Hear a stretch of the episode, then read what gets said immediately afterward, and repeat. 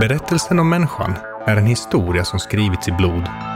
I podcasten Vår blodiga historia guidar jag, Dino Helmerfalk, dig genom historiens våldsamma, makabra och tragiska händelser.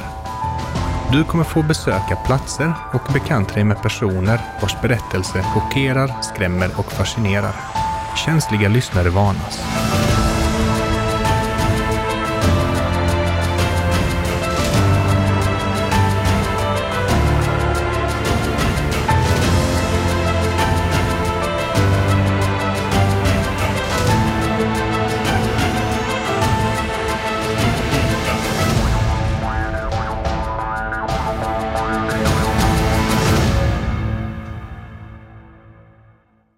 Kära fina lyssnare. Vår blodiga historia är äntligen tillbaka och tio nya avsnitt ligger framför oss.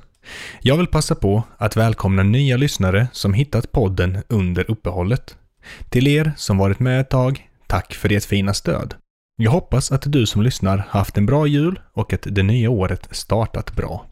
Den nya, tillika fjärde säsongen av podden är överlag lik föregångaren.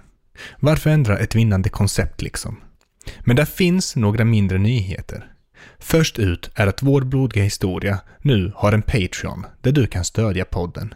Poddens Patreon är inställd på så sätt att pengar bara kommer dras när jag släpper Patreon-exklusiva avsnitt, så att du kan vara säker på att du får valuta för dina pengar.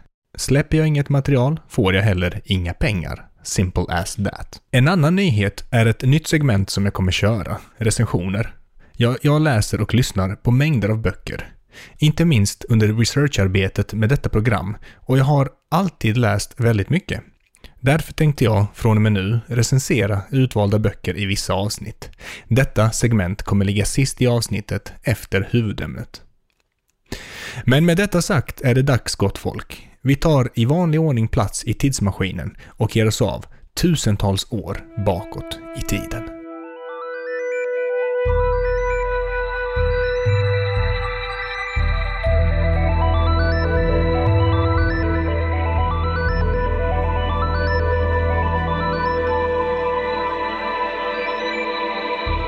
Häxeri är uråldrigt och i stort sett alla kulturer har eller har haft berättelser om människor som besitter övernaturliga förmågor.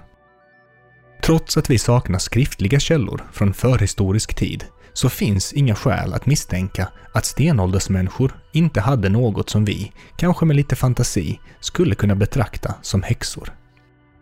De tidigaste nedtecknade lagtexterna som berör trolldom kommer dock från våra äldsta skriftliga källor detta är stentavlor som skrivits ner med så kallad kilskrift. Ett skriftsystem som användes i Främre Orienten så långt tillbaka som för över 5000 år sedan.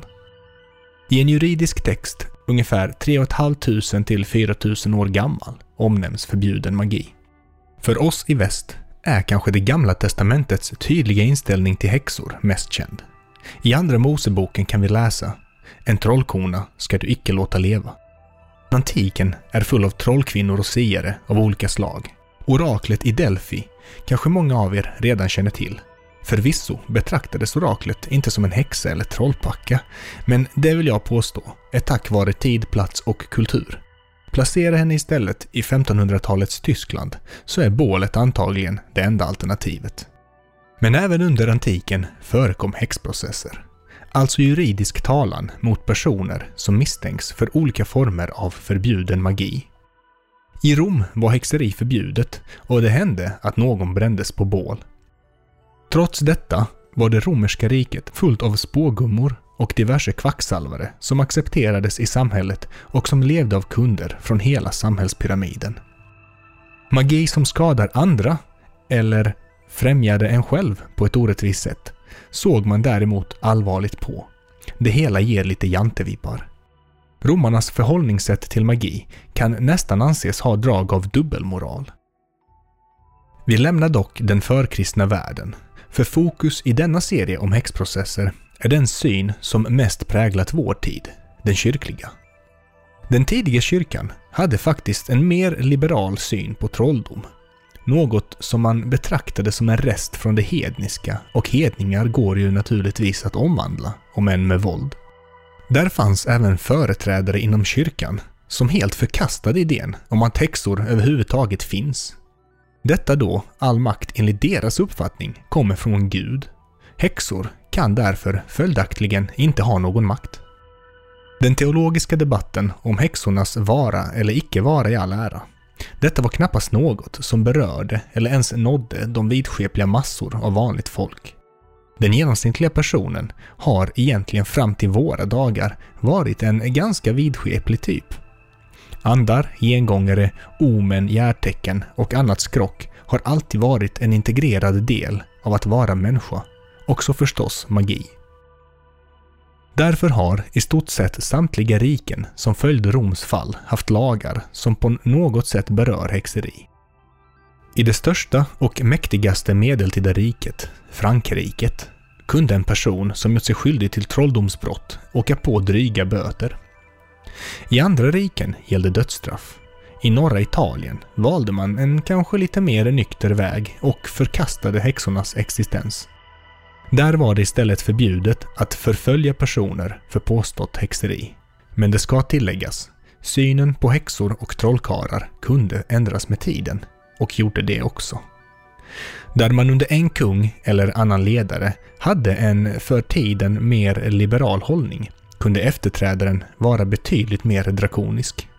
Även om magi, häxor och trollkarlar varit något som följt människan sedan våra tidigaste dagar, så är det ändå under den tidig moderna tiden som hysterin når kokpunkten.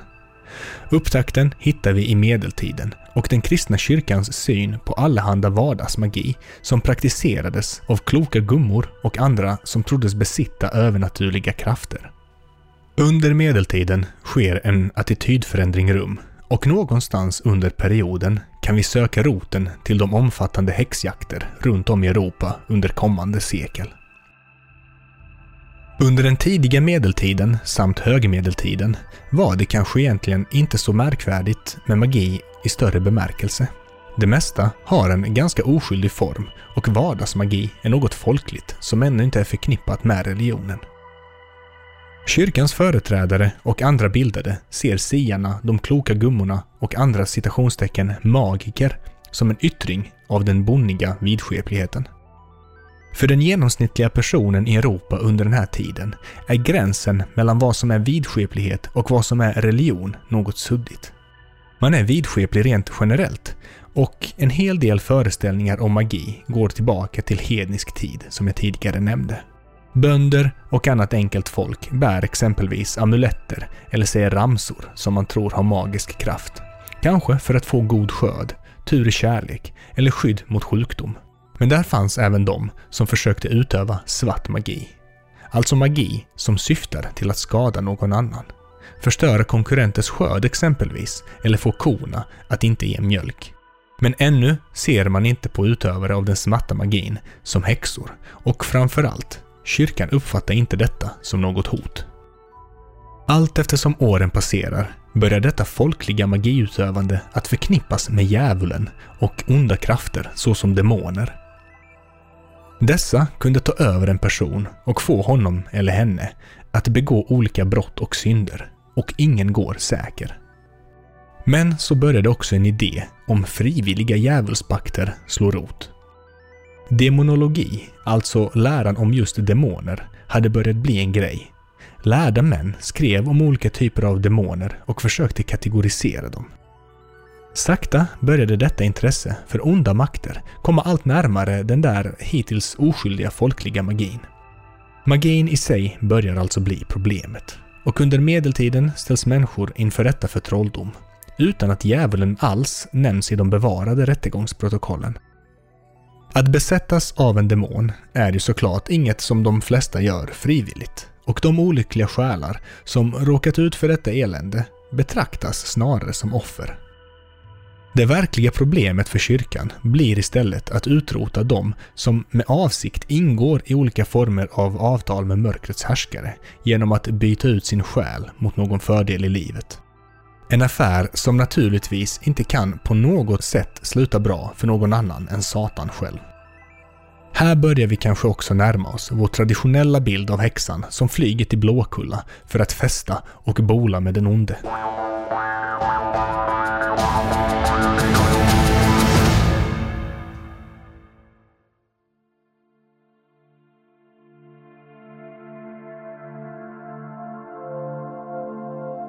Europa är under 1300-talet i kaos. Och om något sekel under medeltiden lever upp till periodens ofta felaktiga rykte om brutalitet och död, så är det just detta. Digerdöden, hundraårskriget och kyrkans delning är några händelser som innebär slutet för flera hundra år av relativ stabilitet på kontinenten. Just digerdöden är kanske det som mest raserade vanliga folkets tillvaro. På några år dör hundratusentals människor i pest och sammanlagt går en tredjedel av Europas befolkning åt. Vill du veta mer om just digerdöden så har jag gjort ett avsnitt om detta. Du får scrolla långt tillbaka till poddens barndom och avsnitt nummer tre. I jakten på syndabockar börjar man peka på olika minoriteter. Judar anklagas och utsätts för särskilt grymma pogromer. I vissa städer i dagens Tyskland, Schweiz och Frankrike slår man ihjäl hela den judiska befolkningen. Tusentals bränns på bål. Alla som kan tänkas utgöra ett hot mot den kristna ordningen är tänkbara fiender och anklagande röster börjar också riktas mot dem som ägnar sig åt magi, för att de måste ju vara i maskopi med djävulen. Därmed kommer djävulsdyrkan in i bilden av häxan där vardagsmagi, åkallande av demoner och andra föreställningar redan etablerat sig. Samtidigt som bilden av häxan blir allt mer definierad sker en juridisk utveckling runt om i Europa. Den inkvisitionella domstolen börjar bli populär och dess sätt att driva en process passar utmärkt för de tusentals trolldomsmål som framtiden bär med sig. En inkvisitionell domstol karaktäriseras av det faktum att domstolen själv också bedriver vad vi idag kallar för förundersökning och åtal. Med andra ord, domstolen i fråga är inte opartisk utan kan använda sig av vilka till buds stående medel som råkar finnas. Ett sådant medel var tortyren. Därmed blir det heller inte särskilt svårt att tvinga fram ett erkännande från den brottsmisstänkte. I Sverige kom detta bruket dock inte att få lika stort fäste som nere på kontinenten. Under 1400-talet börjar föreställningen om sabbaten växa fram. Just sabbaten är absolut central i denna och andra berättelser på temat häxor. I akademiska kretsar har det skrivits hangarer av text som rör sabbatens roll och symbolik. Men vi ska inte vara så ambitiösa, utan jag förenklar. I Sverige talar vi om häxor som flyger till Blåkulla för att festa och ligga med Satan. Detta är sabbaten. Alltså typ häxornas årliga mässa eller kongress, för att använda moderna begrepp. Sabbaten ser inte alltid likadan ut heller, utan beror på vilket område eller land vi studerar. Men det finns några genomgående drag. Oftast ligger mötesplatsen på ett ytterst avskilt ställe, typ Blåkulla. Men vad i hela djävulen är Blåkulla egentligen, frågar man sig kanske. Traditionellt sett brukar ön Blå Jungfrun mellan Öland och Oskarshamn anges vara denna plats, men det finns massor av andra ställen som också pekats ut. Andra återkommande inslag som förekommer i olika beskrivningar om sabbaten är sexandet med Satan. Och ofta sker saker tvärtom i relation till hur vanligt folk gör. Häxorna går kanske baklänges eller sitter upp och ner i stolar som hänger från taket. För våra moderna ögon och öron är det nästan komiskt men symboliken är desto mer allvarlig. Sabbaten symboliserar alltså motsatsen till det korrekta, goda och den kristna världen. Därför gör man också triviala saker tvärtom. Och så får vi naturligtvis inte glömma Satans vidrigaste inslag, barnarov och i vissa fall barnoffer till djävulen. Kristenheten betraktar alltså sabbaten som en manifestation av yttersta kaos som man måste bekämpa. När vi betraktar häxprocesserna så kan masshysterin och avrättningarna kanske te sig som slumpmässiga en morbid trend som drar genom det senmedeltida och tidigmoderna Europa och som sprider sig till den nya världens kolonier i väst. Det är när vi belyser processen innan de stora häxförföljelserna som logiken klarnar. Sett ur dåtidens perspektiv naturligtvis. Hittills har jag talat om hur häxan definieras och omformas. Från att ha varit något som mest liknar typ en klok gumma som vet vilka örter funkar mot magont, blir hon nu till en barnamördare som flyger till avlägsna platser för att ligga med Satan. Men även om attityden bland kyrkans företrädare ändras och sipprar ner till de lägre samhällsskikten saknar vi en avgörande pusselbit, för det är varken bönder eller präster som avrättar och bränner människor inledningsvis.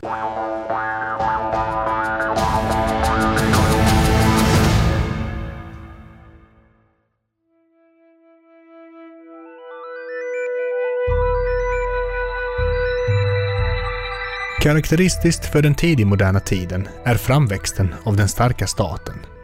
Den världsliga makten hade under medeltiden legat i händerna på kungar och deras vasaller. Makten var alltså splittrad, men i takt med att de feodala systemen överges koncentreras mer och mer makt hos den absoluta monarken, kungen av Guds nåde. De nya starka staterna får så småningom kontroll över rättsväsende och kyrkan. Frågan om religion blir en fråga om makt och inflytande. Då blir det naturligtvis problematiskt att ha djävulsdyrkare och kättare som strövar omkring över land och rike och bedriver skadlig magi. Den styrande furstens roll blir att skydda sina undersåtar från dessa onda makter. Början till de stora häxjakterna börjar i Schweiz på 1400-talet efter ett inbördeskrig.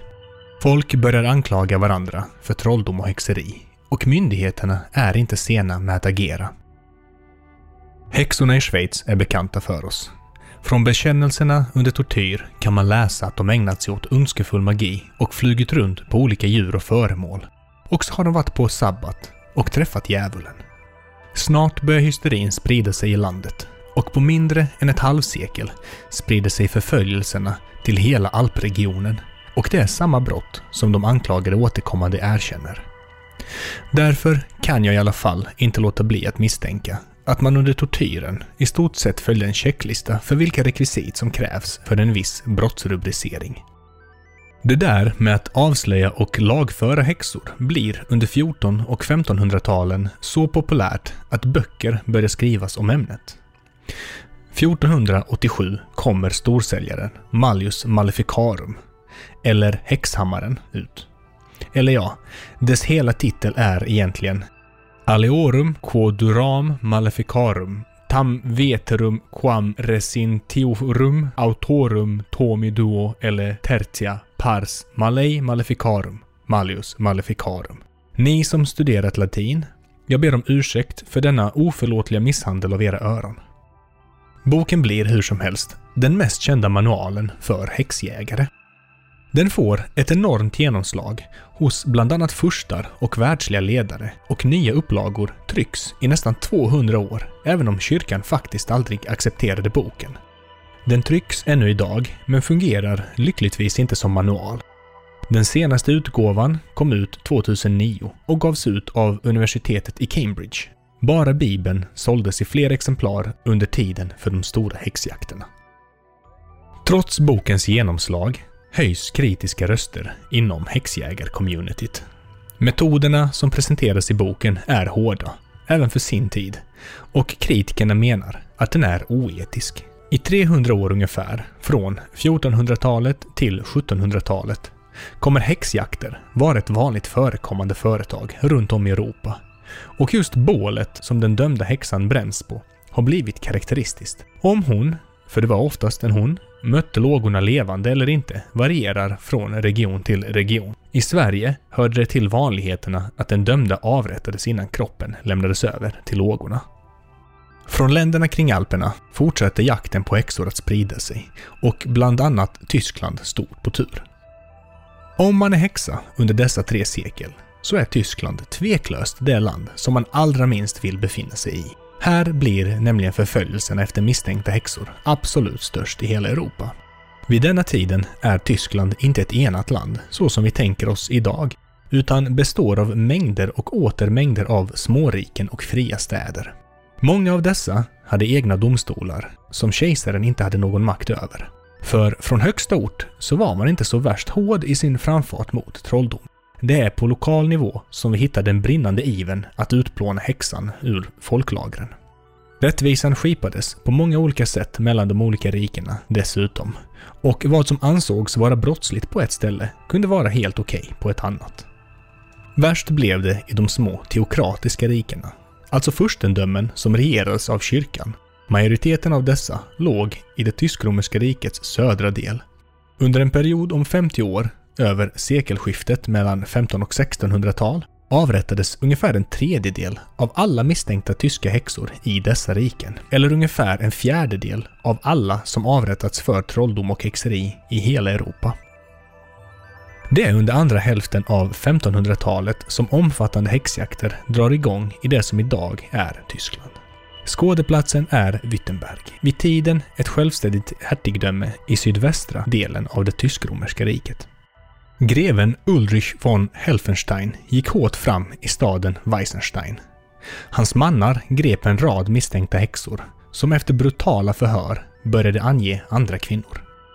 Stenen var i rullning och mellan åren 1562 och 1563 ställdes en lång rad personer inför rätta, fanns skyldiga och fick möta böden.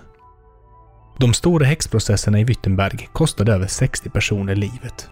Så vilka var det som i huvudsak blev måltavlor för 1500-talets häxjakter i det tysk-romerska riket? Svaret på den frågan är inget som kommer få dig att dra efter andan av förvåning. Personer i samhällets utkanter fick, som så många gånger innan och som så många gånger efter, agera syndabockar. Ensamma änkor, tiggare, personer som invandrat från andra delar av riket eller från andra riken. Sådana människor fanns där gott om och under tortyr tog det inte lång tid innan många började ange andra personer. Vad vi därför får är lokala masshysterier där ett fåtal misstänkta grips, torteras och börjar ange andra. De angivna personerna utsätts för samma sak och anger i sin tur nya.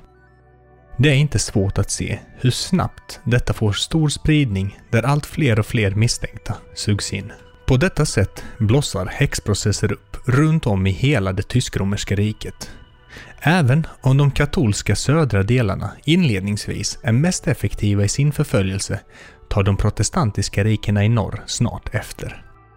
En del ställen sticker ut beträffande omfattningen på häxprocesserna. Exempelvis de bayerska städerna Würzburg, där cirka 900 människor avrättas, och Bamberg, där över 600 häxor brändes på bål levande under 1600-talets första hälft. Bland dessa finns även stadens borgmästare. Inte förrän svenska trupper intog staden under det 30-åriga kriget upphörde häxprocesserna i Bamberg helt.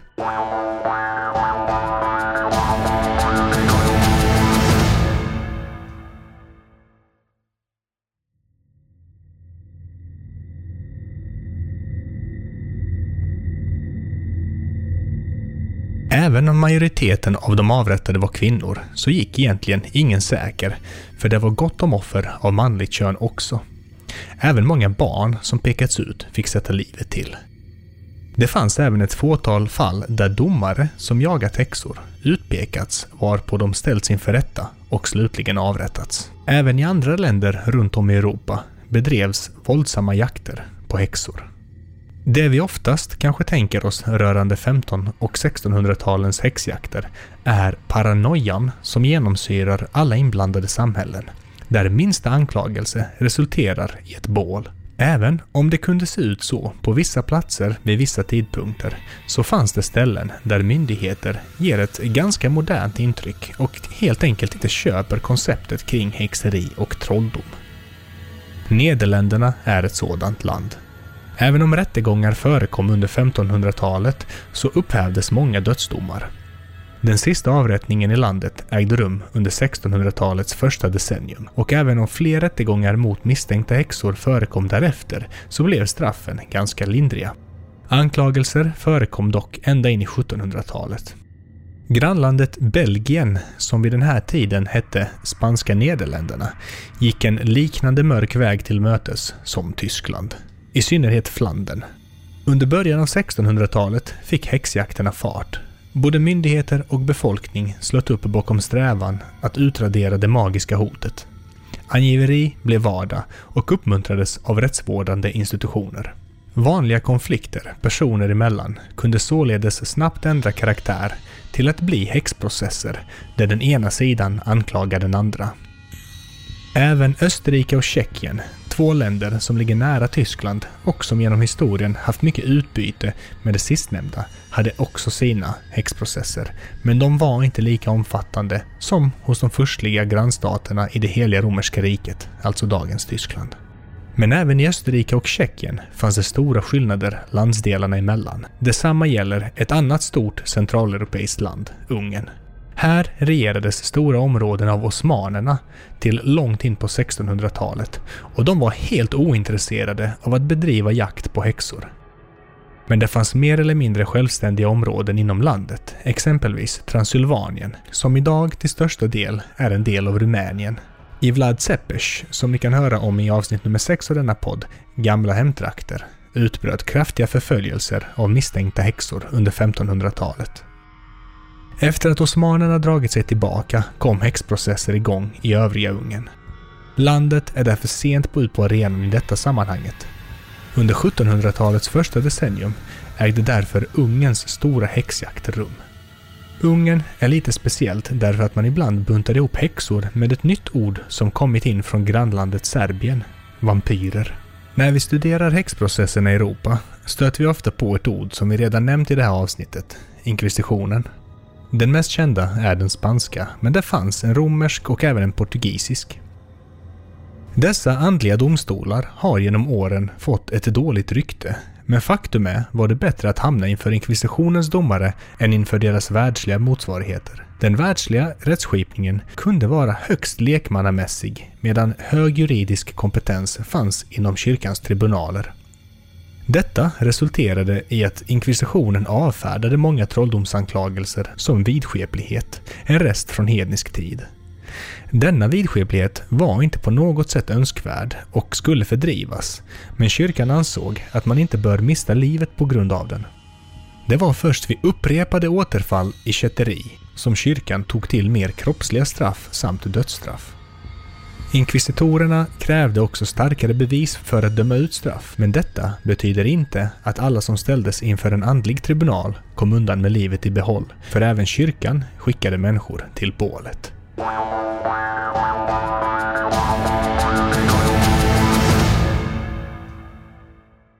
Du har lyssnat på Häxprocesserna del 1. Om två veckor kommer den andra delen då vi framförallt kommer att hålla oss på hemmaplan här i Norden och i synnerhet Sverige.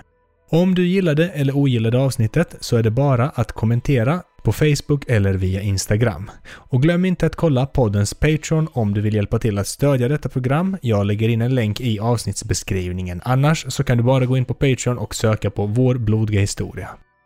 Jag som gör den här podden heter Dino Helmerfalk och vi hörs snart igen. Hej då!